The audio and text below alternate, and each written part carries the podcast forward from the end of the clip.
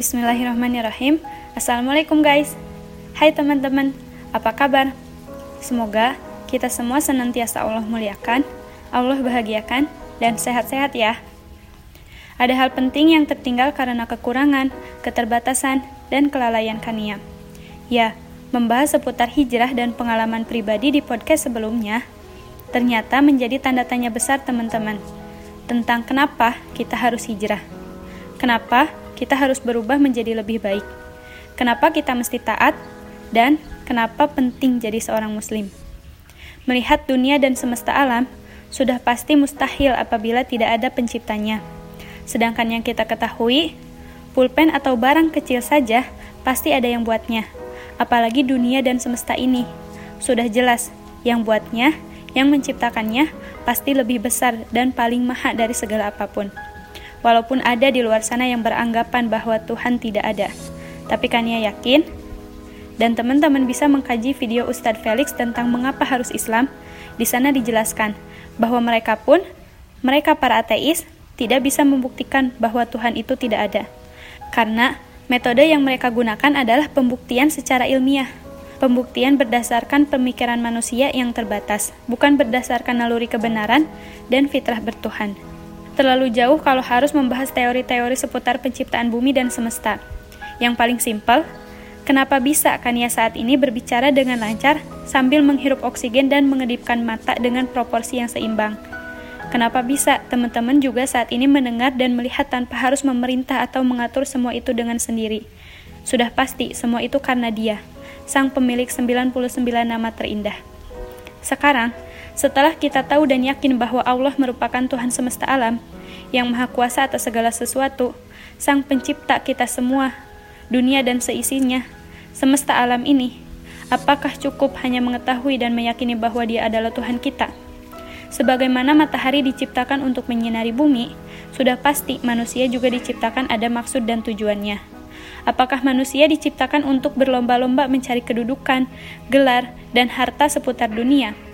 Lalu bagaimana dengan kematian kita? Apakah semua itu akan kita bawa ketika berakhirnya hidup kita di dunia ini?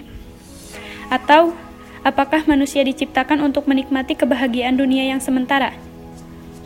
Lalu bagaimana dengan kehidupan kita setelah ini? Apakah semua itu akan kekal hingga nanti? Kania pernah tenggelam dengan ambisi mengejar kenikmatan dunia, prestasi akademik, pencapaian bisnis, kedudukan sosial, tapi yang didapat pada saat semester 1 apa? Rasa haus yang terus-menerus, tidak pernah merasa puas, selalu merasa kurang, hingga akhirnya capek dan hilang arah. Semuanya hampa, abu-abu, dan selalu gelisah. Mengejar kesuksesan tanpa melibatkan dia yang maha kuasa. Ternyata, semua itu karena jauhnya Kania dari esensi sebagai manusia itu sendiri.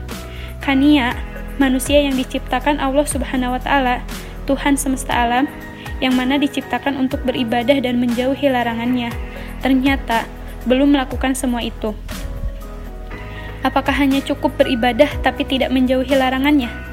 Atau apakah hanya cukup menjauhi larangannya tapi tidak beribadah? Apakah cukup seperti itu? Tidak ternyata. Kegalauan hati ini ternyata karena tidak seimbangnya dirikannya dengan fungsi kania sendiri, yaitu beribadah hanya kepadanya dan menjauhi segala larangannya. Bagaimana bisa hidup seimbang? Sedangkan perintahnya saja tidak ditaati. Panduan hidup dari dia saja tidak diikuti.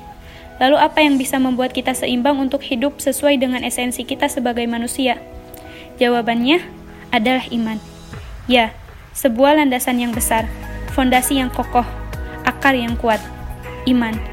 Mengapa ada seorang preman yang sekarang bisa terjun langsung untuk menciarkan indahnya Islam kepada preman jalanan lainnya?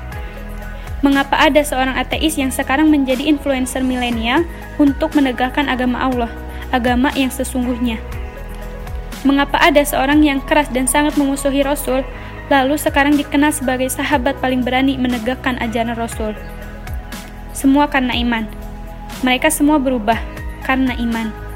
Dengan imanlah mereka bisa mengetahui Tuhannya, mengetahui agama Tuhannya, mengetahui esensi dirinya, dan kemudian rela melakukan apa pun dan meninggalkan apa pun yang diperintahkan Dia yang wajib kita imani.